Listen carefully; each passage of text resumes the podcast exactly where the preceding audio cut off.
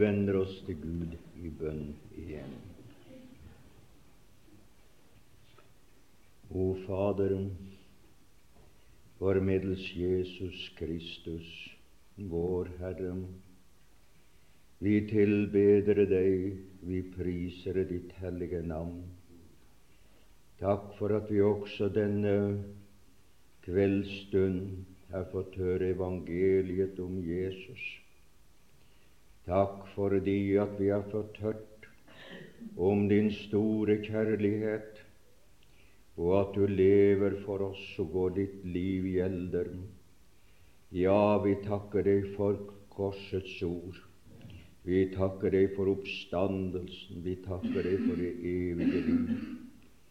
Og når vi nå er samlet for å høre den mørke side, det som vil ramme den verden som ikke vil ha deg til Gud, nei, eller ha deg til fyrst eller konge, så ber vi deg at din ånd må gjøre det klart og levende, så vi velger rett, så vi stiller oss på Kristi side. Takk for at kan hende alle sammen har gjort det, og du later din signing hvile over samværet, deg til lære og oss til gavn. Vi ber i Jesu navn. Amen. Det emnet som at vi har i kveld, det er jo Romatraktaten. Fellesmarkedet og Romatraktaten. Det skulle jo være emnet. Og her, her har jeg det. Jeg har lest ikke dette eksemplar, men et annet flere ganger. Og det er veldige ting som her er bestemt. Det er som en ikke så enkelt som man skulle tro. Der er ikke mindre enn 248 artikler med en mangfoldighet av paragrafer under de fleste av disse artikler. Nå, jeg begriper ikke at noen kan lese dem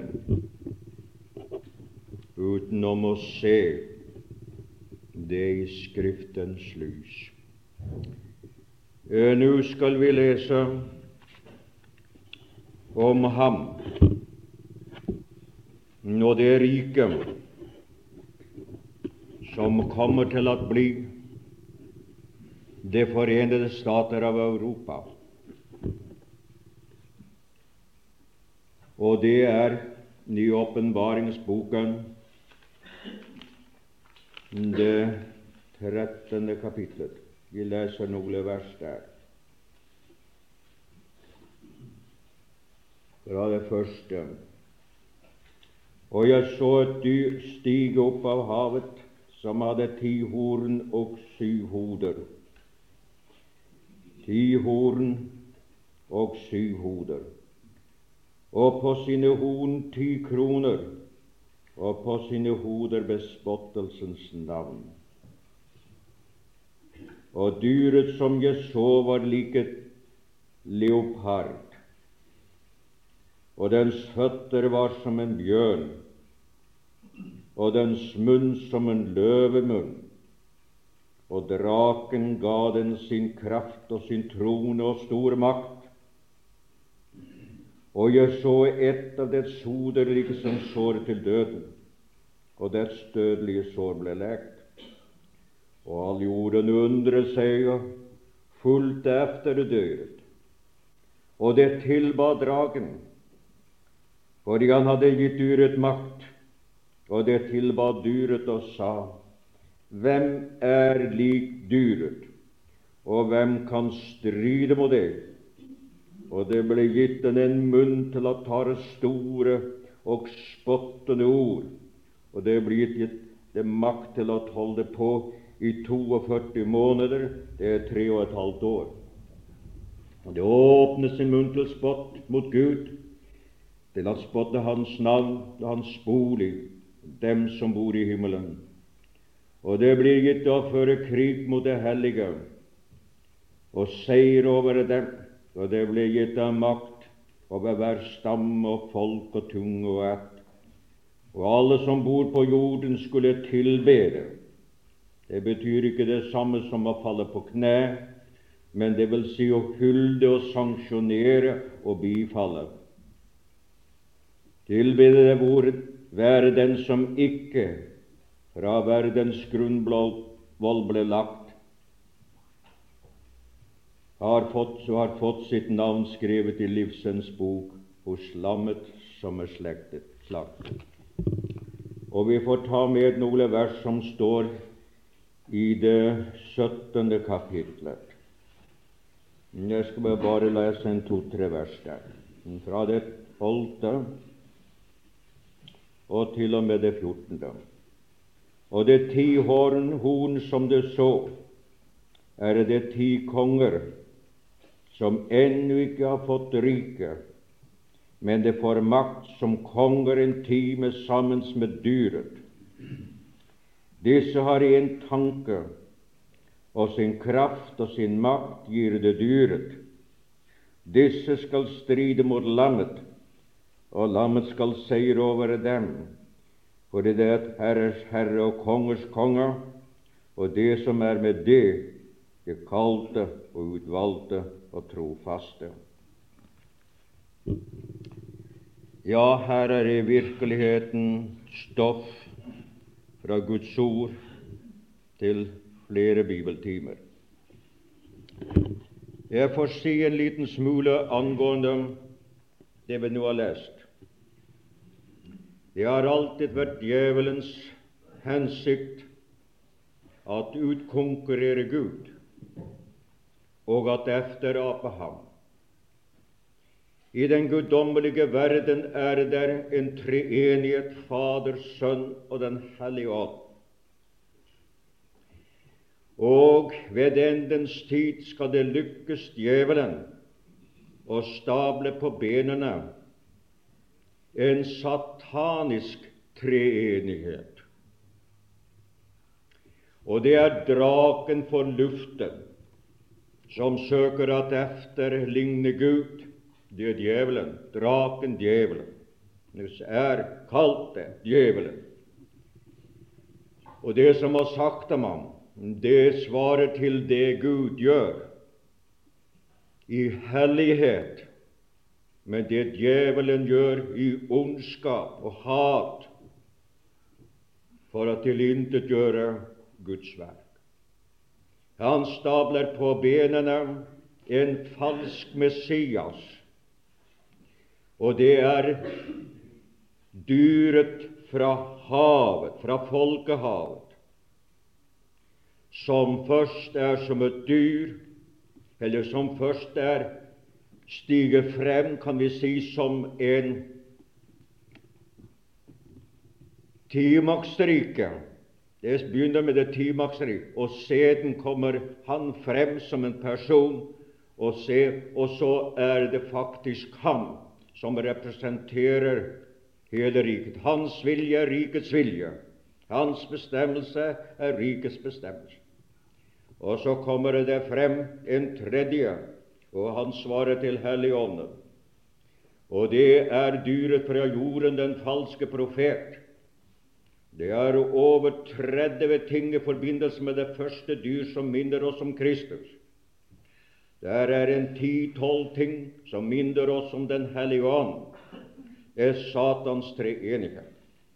Jeg må få lov så loven, Vi sier det det her er en slags innledning, forstås, eh, til, til emnet at når det er spørsmål om å forstå det stå åpenbaringen, så har åpenbaringen en tredeling, kan hende en firedeling. Men i det første så er det det da Johannes fikk budet om å, å skrive. Da sa han, skriv det du så og det som er, og det som skal skje heretter. Hva fikk han se? han fikk se Jesus som ypperste prest fra pinsedag. Og til den siste han er ypperste prest for nådens husholdning, i nådens husholdning for menighet. Det strekker seg, det han så, det strekker seg fra pinsedag og inntil Kristus kommer i skyen, når han forlater sin trone som ypperste prest. Det, det var det du så, og det som er, det var de, det var de syv menigheter. Og de syv menigheter begynner fra pinsedag. Det er den første bortover. Og så ender det med Laodikea. Det er den siste. Og det er både for til menigheter enkeltvis, men også perioder som gjelder menighet. Og det som er heretter, det fikk så apostlene rede på. Stig her opp, og jeg skal vise det det Derfra begynner tiden efter menighetens bortrykkelse. Det er delte meninger hvor lang tid den er. Jeg har sett på den, og mange bibeltolkere at det er syv år. Det kan jo få lov å være delte meninger om det. Tiden vil vise det. Men da må man også holde seg for innenfor det efter han er faret, eller tatt opp til himmelen, representere menigheten. Så må man ikke kjøre frem og tilbake fra, de, fra det som er skje herefter, og så føre det helt tilbake, helt opp til Kristi tid. Det som skal skje herefter, skjer efter menighetens bortrykkelse. Og dette vi har lest, skjer efter menighetens bortrykkelse. Det var en slags innledning. Den var litt lang, men jeg syntes at den var nødvendig at vi måtte ha den. Så er det fellesmarkedet og Romatraktaten. For oss som tror at den hele Skrift er innåndet av Gud, og at den er nyttig, og at det hellige Guds menn talte dreven av Den hellige ånd. Så det var ikke noe feiler ved det de sa. For oss som tror dette, og tror at vi lever i en tid hvor at profetordet er begynt å gå i oppfyllelse For det første på Israel, dernest på menigheten, nemlig ved et frafall. Jeg mener ikke menigheten, jeg mener kristendommen. Kristendommen må skille mellom menigheten og kristendommen. For menigheten er innenfor kristendommen, men kristendommen er ikke menighet. Jeg tenker dere er enige med meg. Og det er innenfor alle samfunn er det, har Herren sine, men det er mange, mange samfunn hvor det er smått stelt med det. Men det er ikke min sak, eller vår sak. Ja vel, når det er tilfellet, så når vi ser frafallet, det moralske frafall, hvordan blant navnkristne ser hvordan det automatisk, politisk, ideologisk og på alle områder forsøker at, at underminere kristendommen som av mennesker som figurerer i statistikken som kristne, så er det ikke en frafall fra Kristus, men en frafall fra kristendommen. Og det er der det ligger. Og vi ser også hvordan at det begynner å skje oppfyllelser blant nasjonene, annet ved dette. Vi har blokkdannelsen Gog og Magog. Vi har andre blokkdannelser. Vi skal ikke komme inn på dem, for det hører utenfor, men vi må ta det med.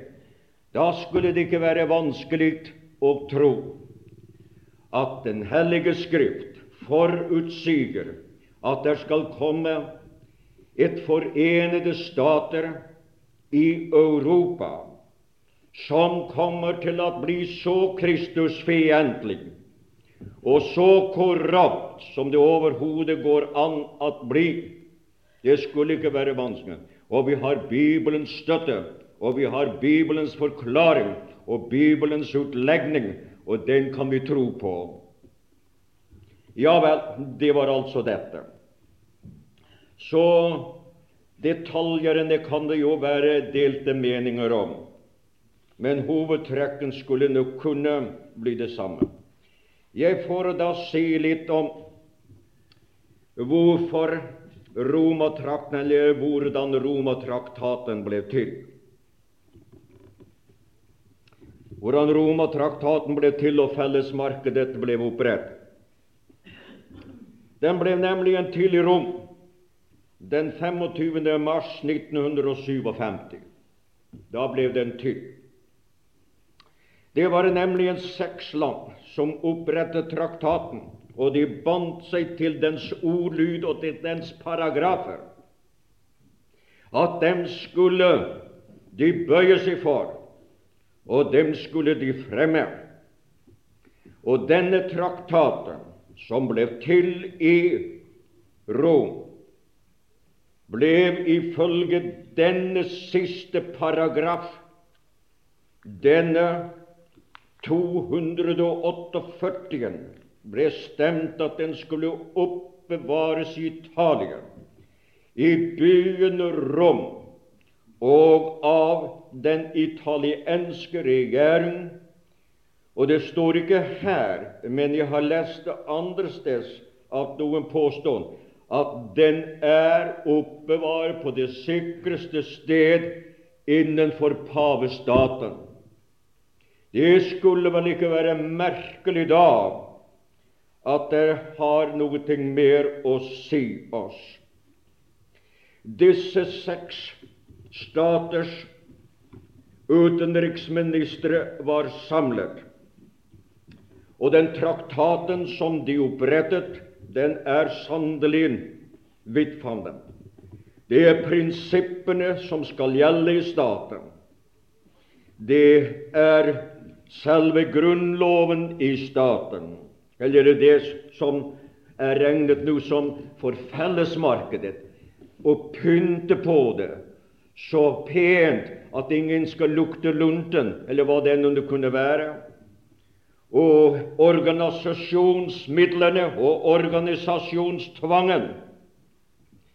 Og også når det gjelder pengesystemer og alt sammen, og hvordan at det, det kunne, skulle kunne komme for å bli ti, ikke flere, og hvordan alle andre som søkte opptak, eller søkte, kunne bli assosiert. Man har i virkeligheten et sentrum med ti, så er det plass for ti og ikke flere. Og man har en ytterring hvor det allerede i dag er 27 nasjoner som gjerne vil være assosiert. Vi forstår dette, og de må være i sympati. Jeg har um, i mine bibeltimer for langt tilbake tatt det, har fått, hatt en mening at verken England eller Skandinavien kommer til å være medlemmer. Riktignok er England bitte. Det spørs nå når at Arbeiderpartiet, som er motstander av For England har sannelig fått svi for at det har gått inn. Og det er bare en eneste gruppe av folket i Danmark som har tjent seg nesten rik, som har tjent nesten 100% mer efter. Alle, men staten, landet som sådan, har litt store tap på grunn av at det har gått inn. Jeg for min del tror at de kommer gå uten, og det skal jeg nevne hvorfor. Nei, jeg får ikke gjøre det, for jeg kommer jo ut på viddene, og jeg får heller la det være med det. Men jeg tror ikke det blir. Men jeg kan si så meget at jeg tror og har fått en oppfatning dette at Togarmas hus i det ytterste Norden så langt nord som folk bor, er Skandinavien. Og jeg kjenner ganske dyktige tolkere som har det der syd, men det er andre som vil ha det i det sydlige Russland. Ja, da måtte jo være herre ikke vite forskjell på nord og syd. For det som er skrevet der, det er jo nord ved endens tid, og ikke i syd på den tid det ble skrevet, for da var det i syd. Den samme geografiske retning som Gog i den ytterste nord. Ja vel, det var dette. Hvorfor? Vi får ta en annen side. Det var bare en meget kort innføring. Det var mange andre ting jeg har sagt til broder Harkenstad at jeg skal nesten prøve at arbeide inn to prekener igjen. Og det er sannelig ikke så lett gjort, det. Men jeg skal prøve å få med noe litt her og litt der. Det neste ting som jeg ønsker her å påpeke, det er hvorfor ønskes en slik union av stater? Ved begynnelsen av dette århundret var det ikke en eneste som drømte om det, at det var en mulighet. Riktignok kvinn Victoria, eller dronning Victoria, i det forrige århundret så det som en oppgave å kunne forene det europeiske stater. Og det ville hun gjøre på en meget lur måte. Og det var å få sine døtre og sine sønner anbrakt omkring i, i Europa. Og det lykkedes, slik at det europeiske kongehus i begynnelsen av dette århundret var alle sammen beslektet. Alle sammen i slekt med hverandre. Nå er de fleste så å si skjaltet ut, og rikene er blitt rubrikker. Og dem ser jeg igjen som ikke er konger. De har konger og dronninger som bare rett og slett er statsfigurer, har ingen makt å si. De er nødsaget til å si ja til det som er bestemt, som blir lagt foran dem. Ja, til og med deres trontaler har de ikke skrevet selv. Det blir lagt dem, vær så god. Du får lov å lese det der. Det er all den makt istedenfor fortidens konger, som f.eks. og dronninger som dronning Victoria. Hun kunne bestemme det hele selv, om det skulle være. Det var utenkelig. Churchill, Schumann, Monet og flere andre, særlig Churchill, sa det den eneste redning for Europa det er at de slår seg sammen, ellers så vil det bli slukt av den umettelige Russland, som aldri kjenner noen grenser. For han hadde opplevd og sagt, og det skriftlig hadde skrevet, at av de forskjellige pakter, de 120 forskjellige eh, eh, bestemmelser eller pakter som ble opprettet i Jalta-konferansen, var ikke én blitt oppfylt, men alle sammen var blitt brutt. Han sa det er den eneste redning. Og så kom så denne her. Så får vi da lov å spørre hva er så grunnen nå i dag for at det ønskes et slik? Og det er jo blitt et slik. Men hva var det? Men nå er det Der er f.eks. Nå kan vi tenke oss tilbake den gang at det var dem som stod utenfor.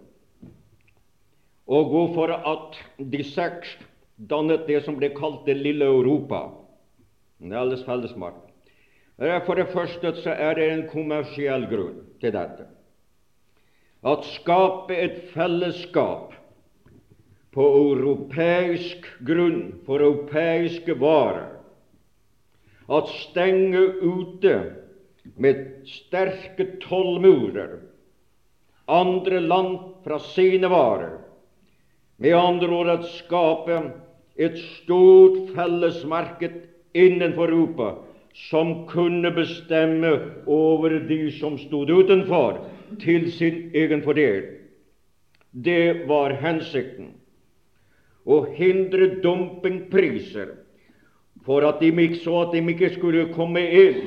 De måtte få sin sanksjon fra fellesmarkedet og oppnå det største fordel.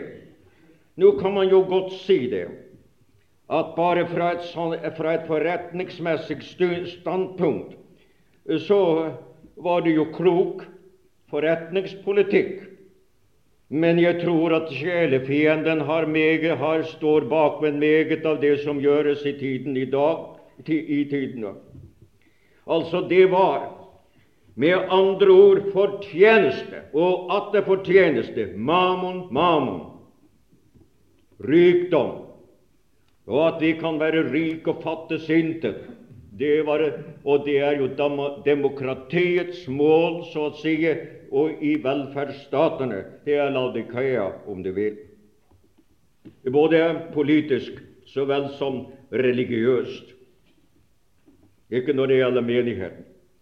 Men der var også en annen som det er omtalt her.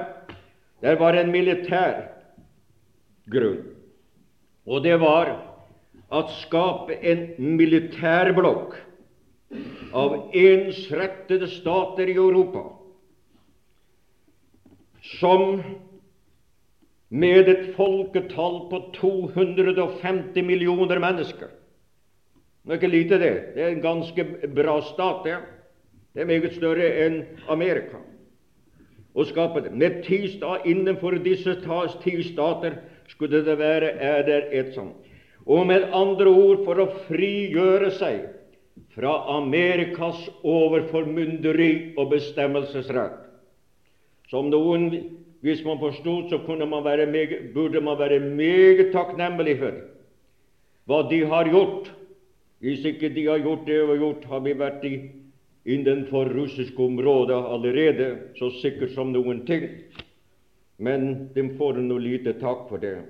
Det er noe helt sikkert. Og der er også en religiøs grunn for dem, disse stater, de seks statene, disse folkene. Og det er det at de seks landene som gikk inn, der er majoriteten av folket medlemmer av den romerske kirka. Og fellesmarkedets banebrytere er og, den, og det som de søker, det er stokk konservativ, ledet av pengemakten av storkapitalen, og de så der en mulighet for å få større fortjenester på bekostning av det andre. Slik er det nå. Ja, det er sagt med få ord. Og det var ikke uten lite å søke støtte slik, således at når det er Romapraktaten er knyttet nær til den katolske kirke, og den talkolske kirke er ikke helt sikker i øyeblikket, øyeblikket om det er 400 millioner eller 6 millioner katolikker i verden. Kan noen av dere hjelpe meg? Hvor er med deg? Ja. Hva? Ja, jeg tror det er 600, men jeg er ikke helt sikker på det. Men jeg tror det er 600. Jeg har skrevet 600, men jeg ville fremholde det slik at så jeg ikke risikerer å, å bli sett. Han taler ikke sant. Det vil jeg, jeg jo selvfølgelig gardere meg mot. Men når det er tilfellet, så har disse, og det med andre ord en dominerende kristendom, så står det der Og verdens kirkeråd ønsker å stå på katolsk side og der er så meget som 214 kirkesamfunn som står bak med Verdens kirkeråd i 90 forskjellige land. Og når den dag at menigheten er fjernet, og navnkristenheten blir igjen, da vil det komme til å bli Babylon den store som råder, som har navnet og da begynner førsten martyrtiden for alvor. Da blir det en gjentagelse av den, den gamle tid. Men vi får gå videre. Hvorfor er det så mange som er motstandere og tilhengere av fellesmarked? Eh, for det første så er det en ideologisk grunn til motstanden. Og den ideologiske grunnen den finnes innenfor de radikale folkegrupper, mest blant ungdommen, og selvfølgelig blant kommunistene. Det kan man jo ikke vente noe annet. Og alle disse gruppene de er fiendtlig innstilt overfor Amerika og også overfor fellesmarkedet, men de er veldig vennlig stemt overfor Russland Og vi vet vel det politikk vi har her i Norge, som vil den vei, og som arbeider målbevisst. Det, de er motstandere. Men der er også andre som er, som er motstandere. Der er en de skadelidendes grupper. De er motstandere. Har vært det, og formoder jeg er det fremdeles. Og det er fiskere og bønder og små bedrifter. Og hvis man vil lese denne traktaten grundig, så skal man se det at småbrukene de ville opphøre. Og småfabrikantene de ville forsvinne. Og fiske for Norges vedkommende, det, det ville Norges kyster ville bli fri for fisk, for de ville ha fullstendig den samme rett som hvilke som helst fisker i Norge. Og at de er motstandere, det kan jeg forstå. Der er altså de skadelidende. Men så er det også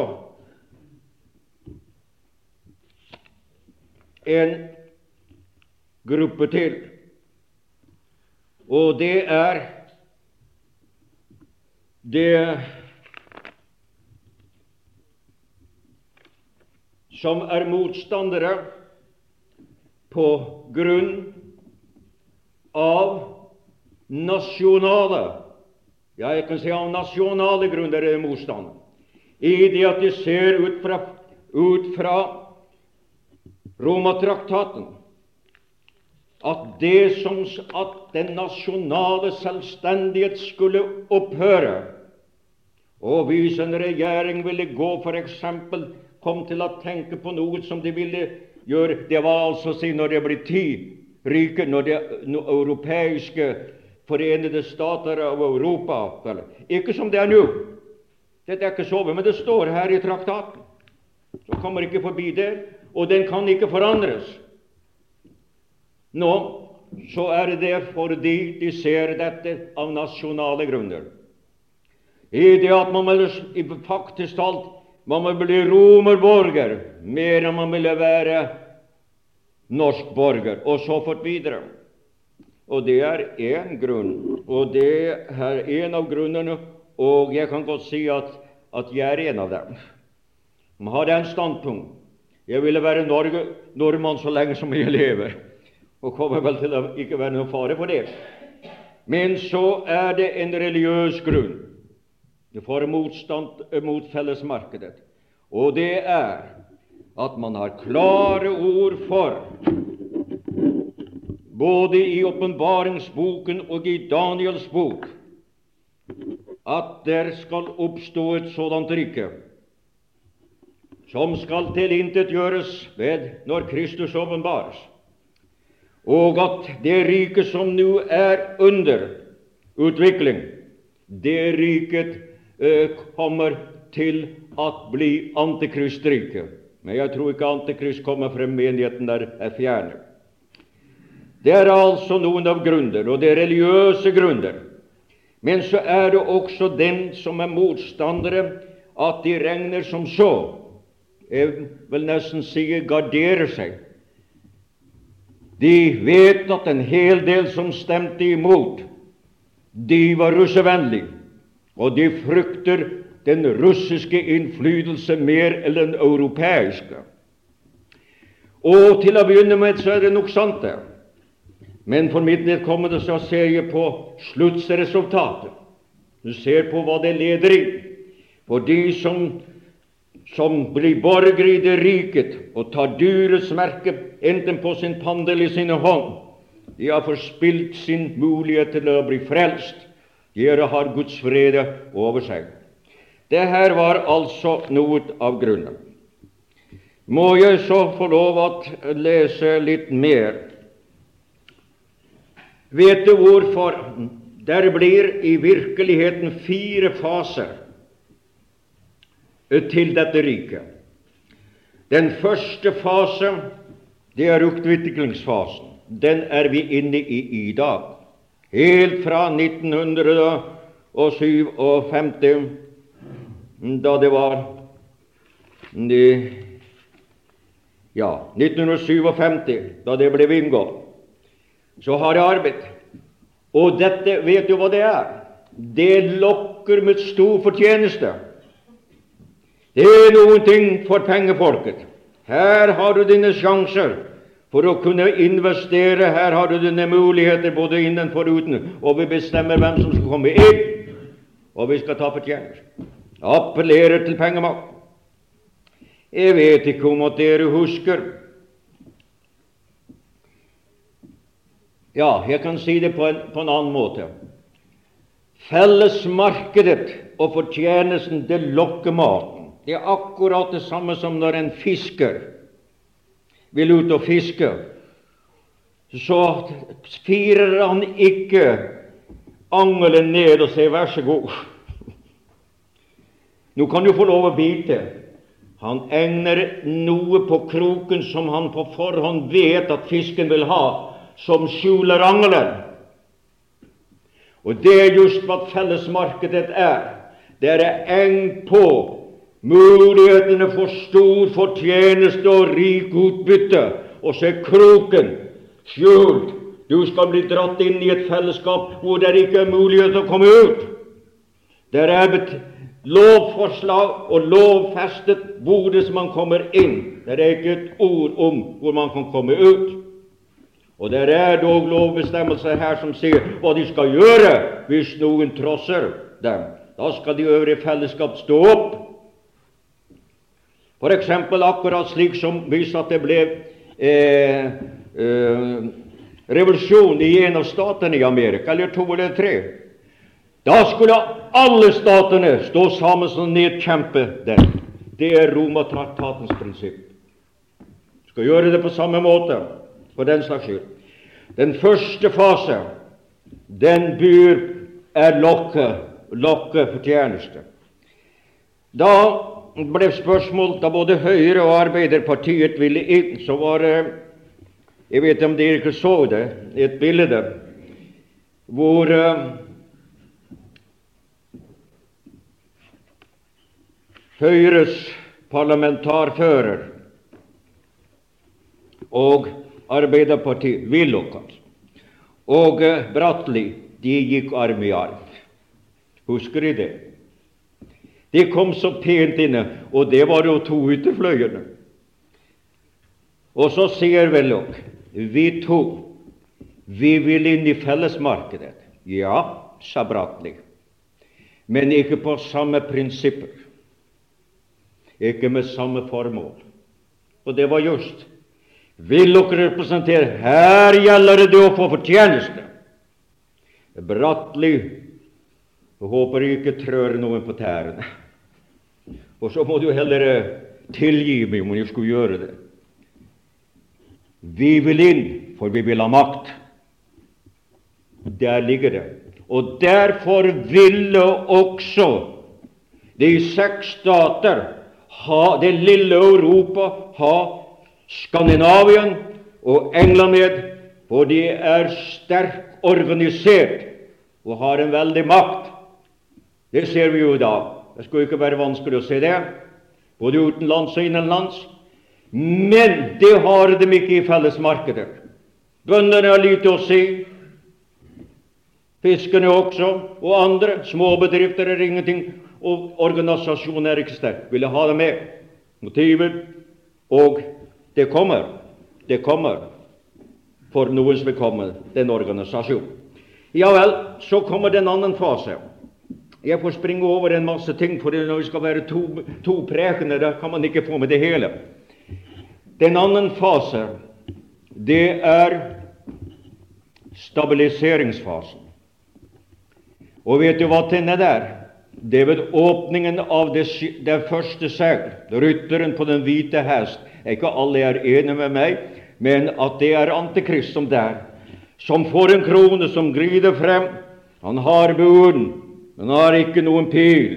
Han får en krone, og vi vet at Antikrist skal opptre som den store, store freds agitator og politiker, og det skal lykkes ham. Og det trenges, kunne man si, at det blir noe samling med all den sprit som finnes. Det skal lykkes for ham. Utviklingsfasen varer helt til det 13. kapittel. Nei, eh, stabiliseringsfasen. Og så kommer utfoldelsesfasen. Og utfoldelsesfasen er fra det 13. og til og med det 17. kapittel. Da viser han seg i all sin djevelskap, og med alt som da foregår. Som da Nå er det meget her som at jeg må springe over. Og det er som at det ble sagt en halv sannhet er nesten verre eller ingen. Så jeg kan jo risikere å bli, bli uh, misforstått, men jeg vil søke å gjøre mitt beste. Nå ja, det er utfoldelsesfasen med den forferdelige forfølgelse og med alt den hvor det er spørsmålet om tilbedelse, og hvor Antikrist har, aller, har støtte av henne som sitter på lider på dyret. Og det pleier jo ikke å være slik at det er dyret som bestemmer hvor rytteren skal hen. Det pleier å være rytteren som bestemmer hvor dyret skal hen. Og da blir det også Og de går med. Der er folkemassene. Og de går med og støtter for å tilintetgjøre dem som vil tro på en sann Gud. Det kunne være meget sagt om, om Babylon den store, som jeg ikke kan komme inn på. Der ser vi altså forholdene. Og sluttfasen, det er når Guds straffedomme kommer.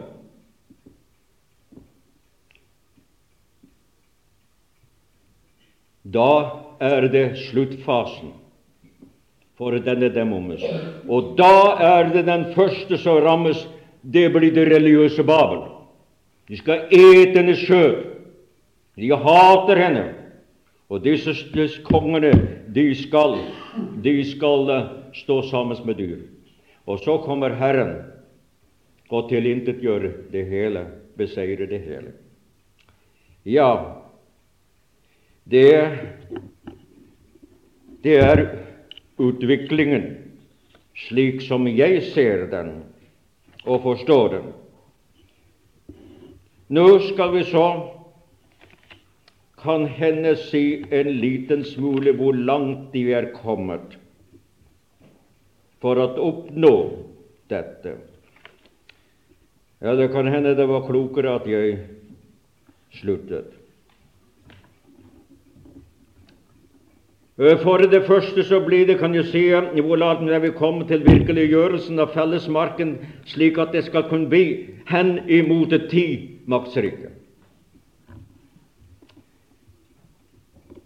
For det første kommer det til å bli en felles grunnlov for alle landene i unionen.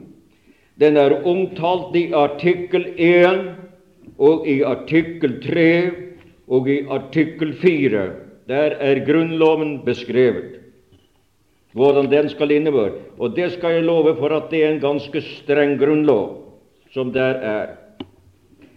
Der er allerede en stålunion innenfor fellesskapet. Og det er jo for fortjenestes skyld. Og der er en tollunion og det er omtalt hvordan den tollunionen skal utformes. Det er også nevnt i artikkel 3 og i artikkel E og i artikkel G. Der er det omtalt hvordan den tollunionen skal utformes. Og så er det jo dette her fallesmarkedet som vi jo nå er kan man si er inne i, som er beskrevet i artikkel 34 og i 38 og også i artikkel 40 er denne traktaten omtalt. Slik er forhold. Og et forenet parlament, hvordan det skal fungere, er omtalt i artikkel 4 og i artikkel 5 og i artikkel 6 på hele området hvor denne parlament, hvordan det skal fungere. Og det er en masse som allerede er gjennomført for dem som er innenfor, men det er noe ennå som ikke virker. Mens de Gaulle levde, da satte han kjepp i hjulet den ene gang etter den andre så det stoppet opp. Og han som nå er, gjør det samme. Og jeg har nær sagt det er bra. Og det at det blir hindret så lenge som mulig, det er min syn. Men det er jo ikke sikkert alle deler det. Ja,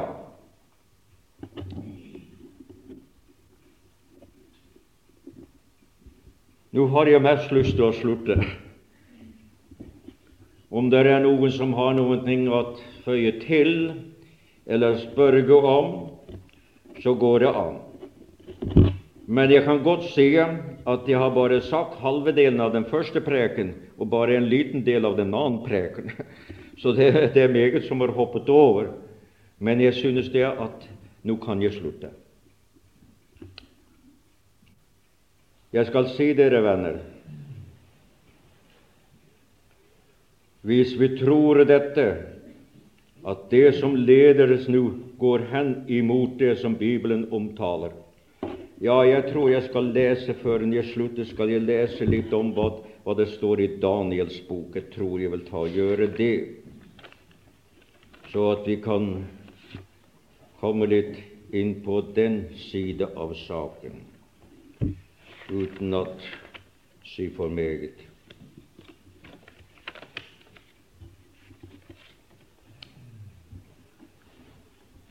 Da så har jeg sagt det er i Daniel det andre kapittel, da Daniel, fra vers 34 til 35, da Daniel tydet Nebukadnesers syn. Mens du så på bildet, ble en sten revet løs men ikke med hender. Og stenen rammet bildet på føttene. Det er slutningen av de fire verdensriker. Hodet, det er jo begynnelsen, regner man på kroppen. Ja, på føttene, som var av jern og ler og knuste dem. Da knustes på en gang, altså samtidig, både jernet og leret, det demokratiet, og enda mer, og under, under diktatur, og kobberet og sølvet og gullet. Det var det som da ble knust. Og videre i det 44. 45. vers i disse kongers dager, altså mens disse konger levde, mens disse ti konger levde Da må man ikke hoppe langt tilbake i tiden, for det her er innenfor det avsnittet efter menighetens bortrykkelse. Innenfor disse ti kongers dager, dvs. Si med disse lever, vil himmelens Gud opprette et rike som i all evighet ikke skal ødelegges, og dette riket skal ikke overlates til noen annen folk. Det vil si, det skal overlates til Israel, og det skal knuse. Overlates til noe annet folk. Det skal knuse og gjøre ende på alle hine rike, men selv skal det bli stående fast i evighet. Det er det mesanske riket. Så avslutter jeg med Guds ord hvordan det vil gå, og så får vi La resten av de tellerne være. Så vender vi oss til Gud i bønn. Ja, Herre Gud, vår fremtidsdag, den er jo lys og lang. Du har ikke bestemt oss til vrede, men vi ber, o Gud, for den stakkars verden som vandrer i mørket, for dem som later seg lede av demoniske ideologier, for som dem som går på syndens vei. Å, om at din ånd måtte kunne få lov å overbevise dem om synd og om rettferdighet om dom, så de kapitulerte for Jesus Kristus og strøk opprørsfanen så mange som mulig. Vi vet at systemene som systemer kan alt kan vike ved bønner fjerne. Men om du ved din ånd, Herre, kunne få tale til den enkelte, slik at vekkelsestider, sanne vekkelsestider, hvor menneskene vendte seg til deg for å bli frelst fra synden. Å, Herre Jesus, tal i disse siste dager og beskytt ditt folk, så at det ikke rives med av tidens vranglære og av tidens utskeielser, men blir i det sunne ord, i det gode ord, det ordet om korset og nåden og frelsen, og at Kristus er for oss. La så din fred hvile over oss alle. Vi blir hos deg, og vi skal komme til deg, og deg vil vi prise nå og i all evighet. Amen.